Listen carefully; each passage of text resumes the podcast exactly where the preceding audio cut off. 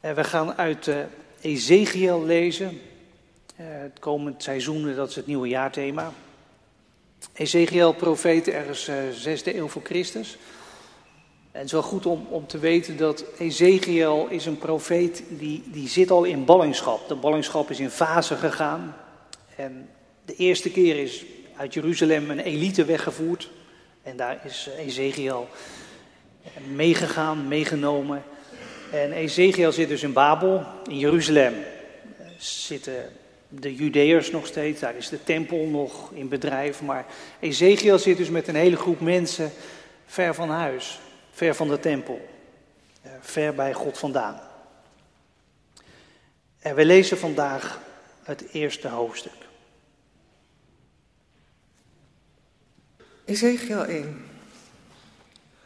Op de vijfde dag van de vierde maand in het dertigste jaar, toen ik te midden van de ballingen bij het Kebarkanaal woonde, opende zich de hemel en kreeg ik een visioen van God. Op de vijfde dag van die maand, en wel in het vijfde jaar van koning Joachins ballingschap, richtte de Heer zich tot de priester Ezekiel, de zoon van Buzi, in het land van de Galdeën, bij het Kebarkanaal. Daar werd hij door de hand van de Heer gegrepen. Dit is wat ik, Ezekiel, zag. Een stormwind, komend uit het noorden, een grote gloeiende wolkenmassa, een vuur van bliksemflitsen. Daar middenin zag ik iets dat glansde als wit goud. In het midden van het vuur zag ik iets dat leek op een viertal wezens. Zo zagen ze eruit. Ze leken op mensen, maar ze hadden elk vier gezichten en vier vleugels. Hun benen waren recht en hun voeten, die blonken als gepolijst brons, leken op de hoeven van een kalf. Aan hun vier zijden, onder hun vleugels, zag ik mensenhanden. De gezichten en vleugels van de vier wezens zagen er zo uit. Hun vleugels raakten elkaar. En omdat ze aan elke kant een gezicht hadden, hoefden de vier wezens zich niet om te draaien als ze zich voortbewogen. Hun gezichten leken van voren op het gezicht van een mens en van rechts op de muil van een leeuw, van links op de kop van een stier en van achteren op de bek van een adelaar. Dat waren hun gezichten. Twee van hun vleugels waren naar boven uitgespreid en raakten die van de andere wezens aan weerszijden aan. En met de andere twee bedekten ze hun lichaam. Elk van de wezens bewoog zich recht vooruit, waarheen de geest van God hen ook maar dreef. En ze hoefden zich, waarheen ze ook gingen, niet om te draaien. Ze zagen eruit als iets dat leek op brandende, vurige kolen. Ze zagen eruit als fakkels. Er ging vuur heen en weer tussen de wezens, een gloeiend vuur, en er kwam bliksem uit het vuur. En zo flitsten de wezens heen en weer als bliksemstralen. Opnieuw keek ik naar de wezens en ik zag bij elk van de vier een wiel op de grond staan, aan de voorkant. De wielen glansden alsof ze gemaakt waren van turkoois en ze hadden alle vier dezelfde vorm. Ze leken op een wiel midden in een ander wiel. Ze gingen met de vier wezens mee zonder om te draaien.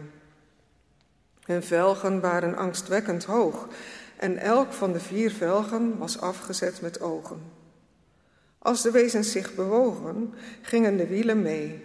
En als de wezens opstegen van de aarde, stegen ook de wielen op. Waarheen Gods geest hen leidde, daarheen gingen de wezens. Ze volgden de geest en de wielen stegen met hen op, want één en dezelfde geest leidde de wezens en de wielen. Als de wezens zich bewogen, bewogen ook de wielen. En als ze stilstonden, stonden ook de wielen stil. Als ze van de aarde opstegen, stegen ook de wielen op. Eén en dezelfde geest leidde immers de wezens en de wielen. En boven de hoofden van de wezens was een soort koepel, glinsterend als ijs, angstwekkend. Deze koepel strekte zich hoog boven hun hoofden uit. Daaronder stonden ze. Hun uitgespreide vleugels raakten die van de wezens aan weerszijden. En van hun twee andere vleugels en hun twee andere vleugels waren toegevouwen en bedekten hun lichaam. Toen hoorde ik het geluid van hun vleugels. Het klonk als het gebulder van de zee, als de stem van de ontzagwekkende, als het rumoer van een mensenmassa, als een dreunend leger. Wanneer ze stilstonden, vouwden ze hun vleugels weer toe.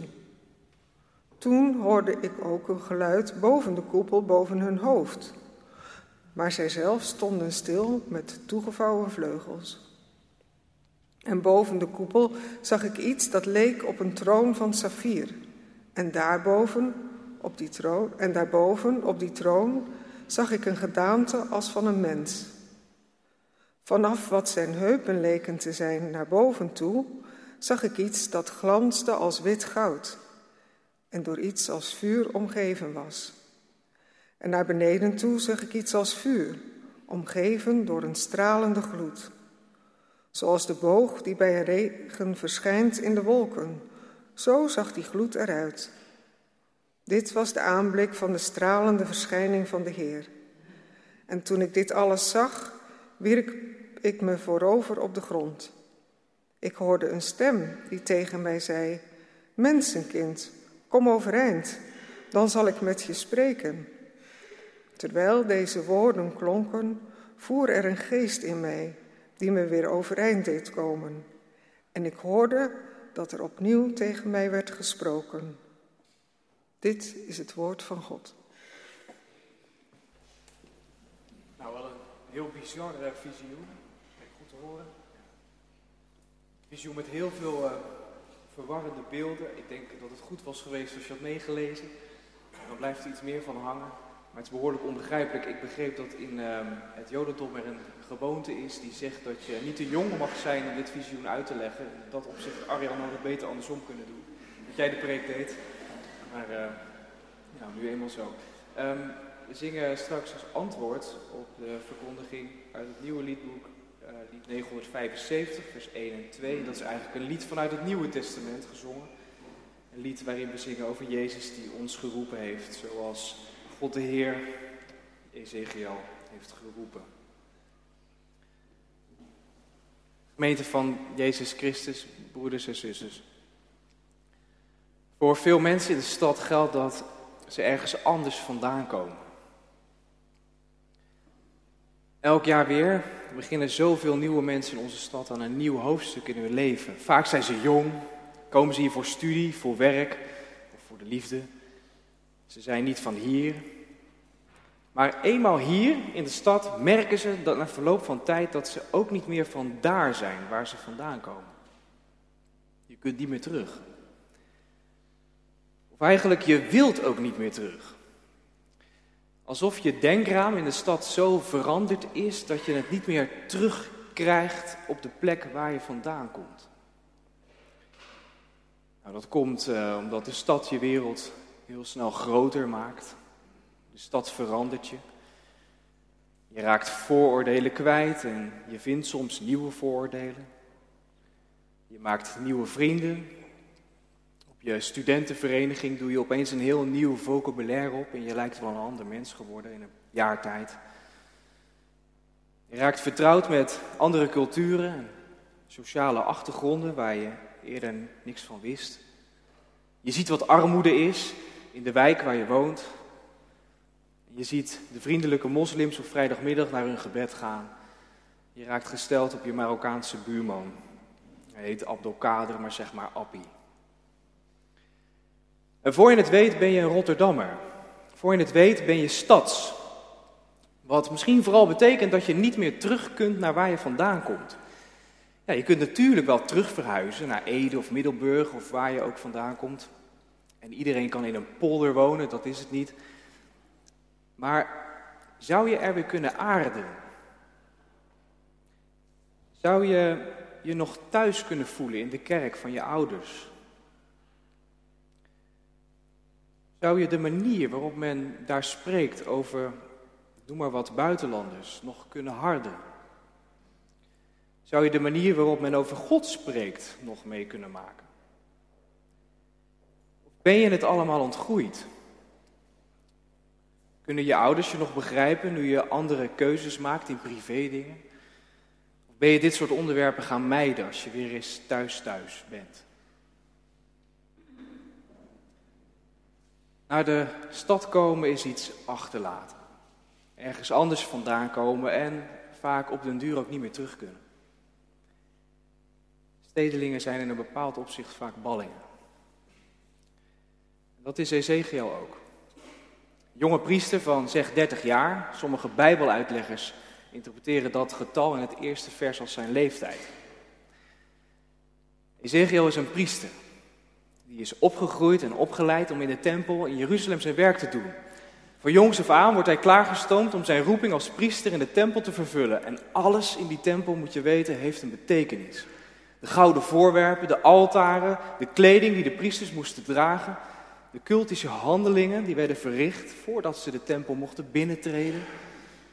Alles wijst naar de heilige aanwezigheid van God op die plek. God woont in de tempel. Dat is de plek waar hij troont, is de overtuiging van het Jodendom in die tijd. God troont in het binnenste gedeelte van de tempel op vleugels van twee gouden engelen die zich bevinden bovenop een kist met oude attributen die herinneren aan Gods geschiedenis met dit volk. Dit is Gods huis.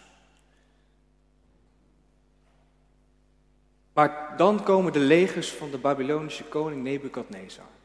Stampende laarzen lopen Jeruzalem binnen in het jaar 598 voor Christus.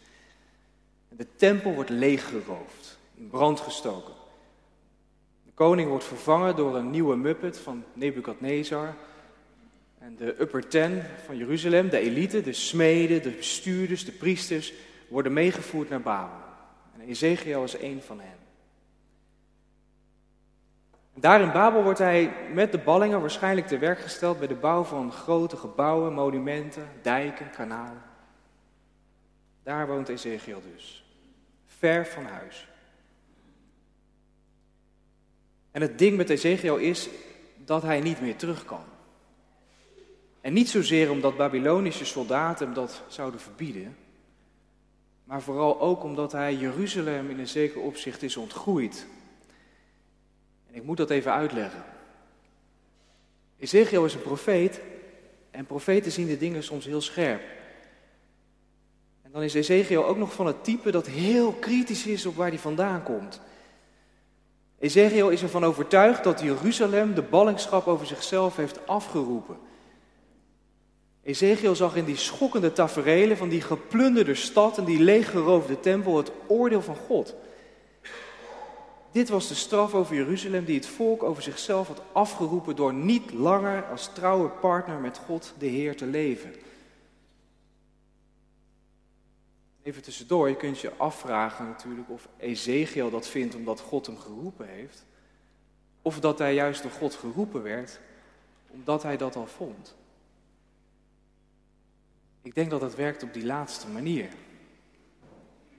Profeten krijgen geen invoelend vermogen omdat ze geroepen worden, maar ze hebben een bepaalde scherpzinnigheid op grond waarvan God hen roept.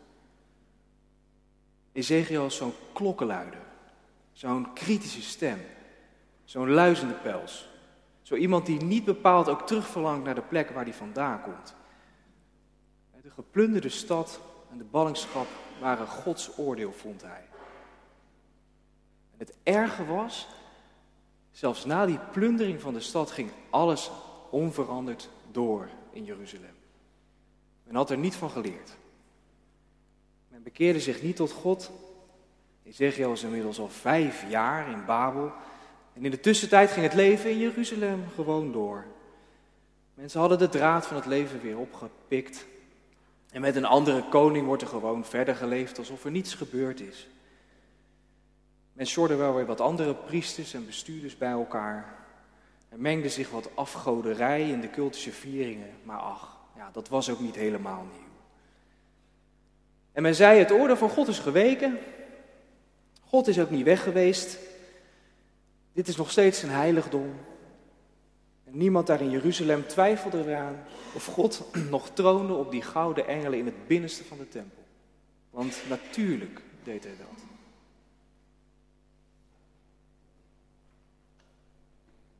Ezekiel wordt er cynisch van. Hoe kun je nog zo over God spreken in Juda, in Jeruzalem?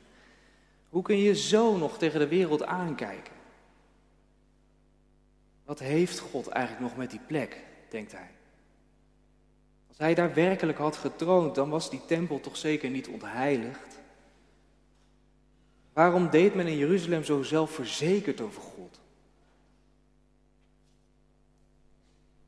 Wat Ezekiel betreft, God was in de afgelopen jaren een steeds grotere vraagteken in zijn leven geworden. Ezekiel voelt zich onbegrepen. Kan niet terug naar Jeruzalem. In Babel lijkt hij zijn oude grond ontgroeid.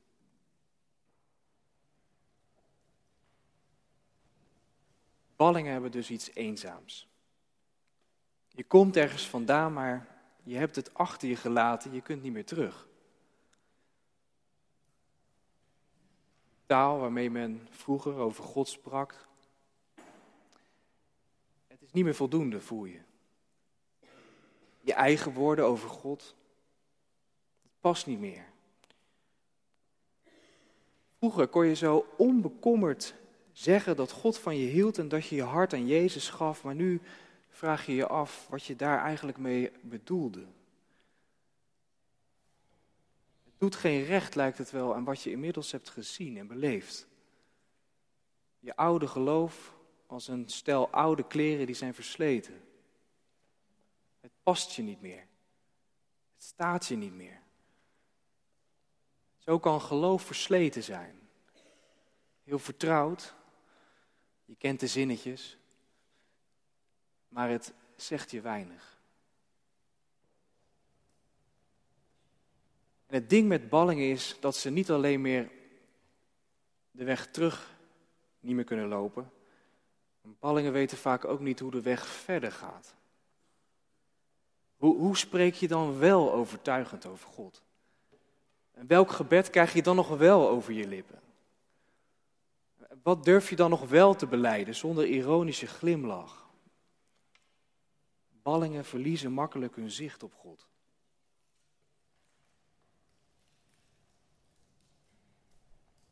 En dan dan verschijnt God. En hoe? God verschijnt zo overweldigend. Een visioen met één en al verbeelding. Het is een opeenstapeling van overweldigende beelden. Ezekiel ziet een donderbui aankomen. Een zware wolk met vuur en bliksemflitsen. En in die donkere wolken tekenen zich allerlei figuren af. Vier wezens die zowel iets menselijks als iets dierlijks hebben. Staan rechtop. Hebben vier koppen. Van een mens, van een leeuw, van een stier en van een adelaar. Ze hebben vleugels en die vleugels, daarmee dragen ze een soort troonwagen. Er zijn wielen te zien die zo hoog zijn dat je er hoogtefeest van krijgt. En in die wielen nog weer andere wielen. En aan de randen van die wielen ogen. Niets ontgaat deze wagen.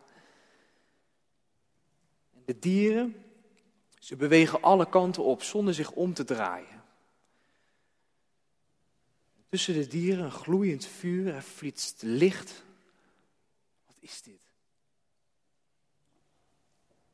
Het oog van Ezekiel wordt steeds verder naar boven getrokken.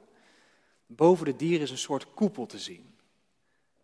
Het, het glinstert als ijs.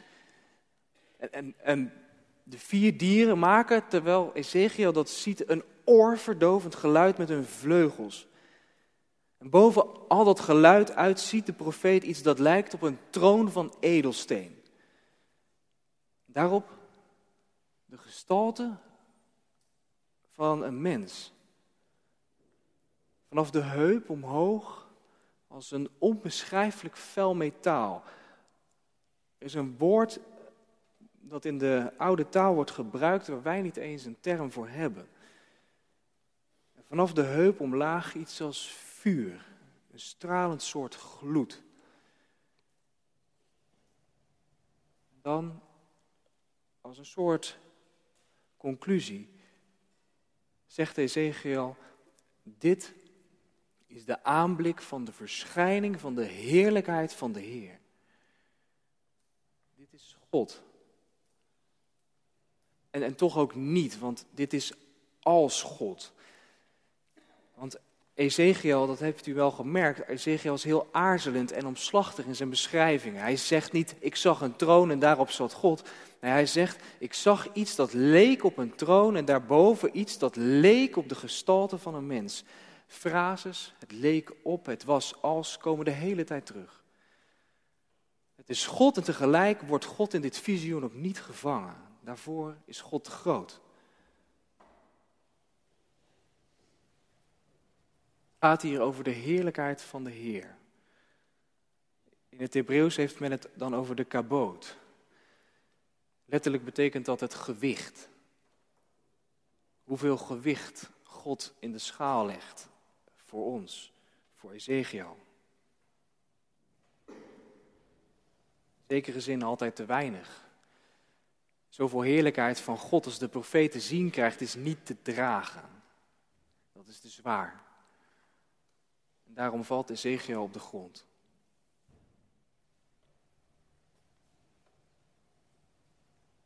Wat betekent dit nou allemaal?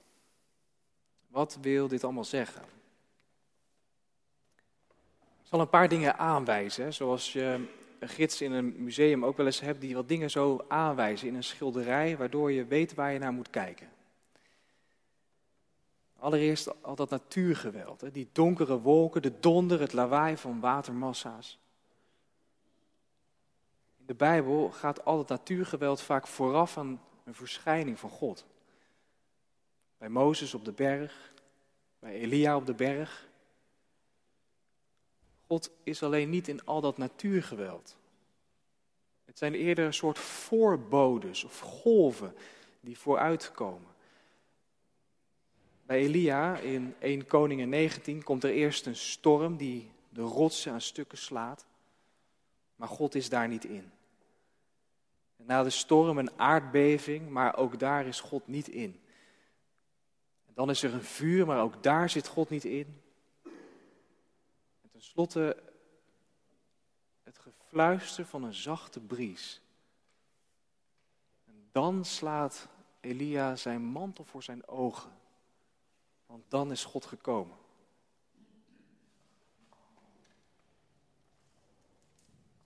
Zo begrijpen we al dat natuurgeweld. Het zijn voorbodes van Gods aanwezigheid. Dan zijn er die vier wezens die de troon dragen op hun vleugels. Hun koppen stellen de heersers van verschillende domeinen voor. De leeuw als heerser van de wilde dieren, de stier als heerser van de tamme dieren, de adelaar als heerser van de lucht en de mens als heerser over de schepping. Maar zij zijn slechts troondragers. En God troont op hen. God overstijgt hen.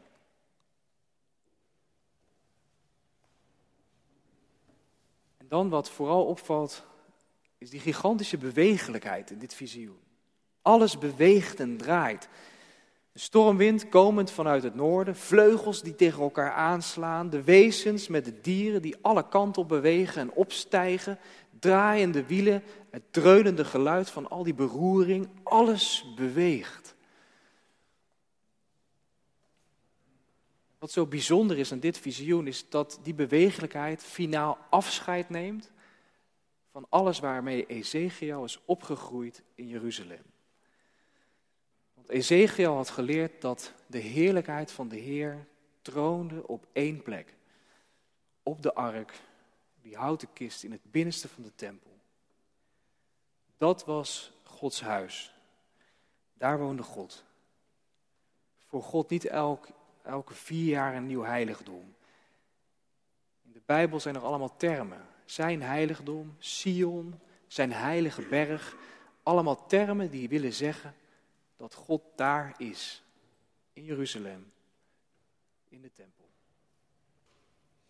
Natuurlijk werd God ervaren en gezien op andere plekken, maar nooit getroond. Nooit regerend. Nee, dat deed God vanuit Jeruzalem. Nu staat God de Heer op een troon die beweegt. Een troon die helemaal naar Ezekiel is toegegaan. God verschijnt op de vijfde dag van de vierde maand in het vijfde jaar van de ballingschap bij het Kebarkanaal. Zeg maar de banlieue van Babylon. En hij zoekt de ballingen op daar. Dit is echt vernieuwend voor Ezekiel. Zou je kunnen zeggen dat God zijn mensen achterna reist? Getroond, regerend.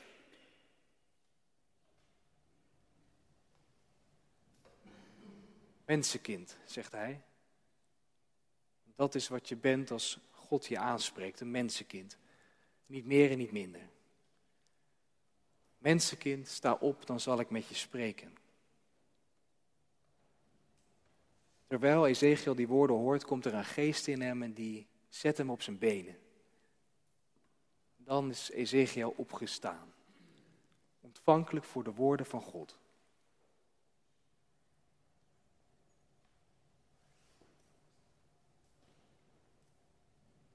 Morgen zijn we hier bij elkaar. Velen van ons komen ook ergens anders vandaan. Plekken waar we niet meer naar terug kunnen vaak. We zijn het ontgroeid. Het oude heeft deels afgedaan. Oude ideeën. Oude manieren van zeggen. Oude beelden van God. Maar denk nooit dat dit ook voor God geldt. God doet nooit af. Misschien het beeld dat je van hem gemaakt hebt. Maar God zelf doet niet af. Hij komt zijn mensen achterna in nieuwe beelden en nieuwe taal. Zo overweldigend. Maar gelukkig zet hij op ons, ons op onze benen als hij ons roept. Dat is vandaag. Dat is vanmorgen. Via die oude woorden die we lazen. Mensenkind, sta op. Dan zal ik met je spreken. Hij is de levende en hij roept vandaag. Amen.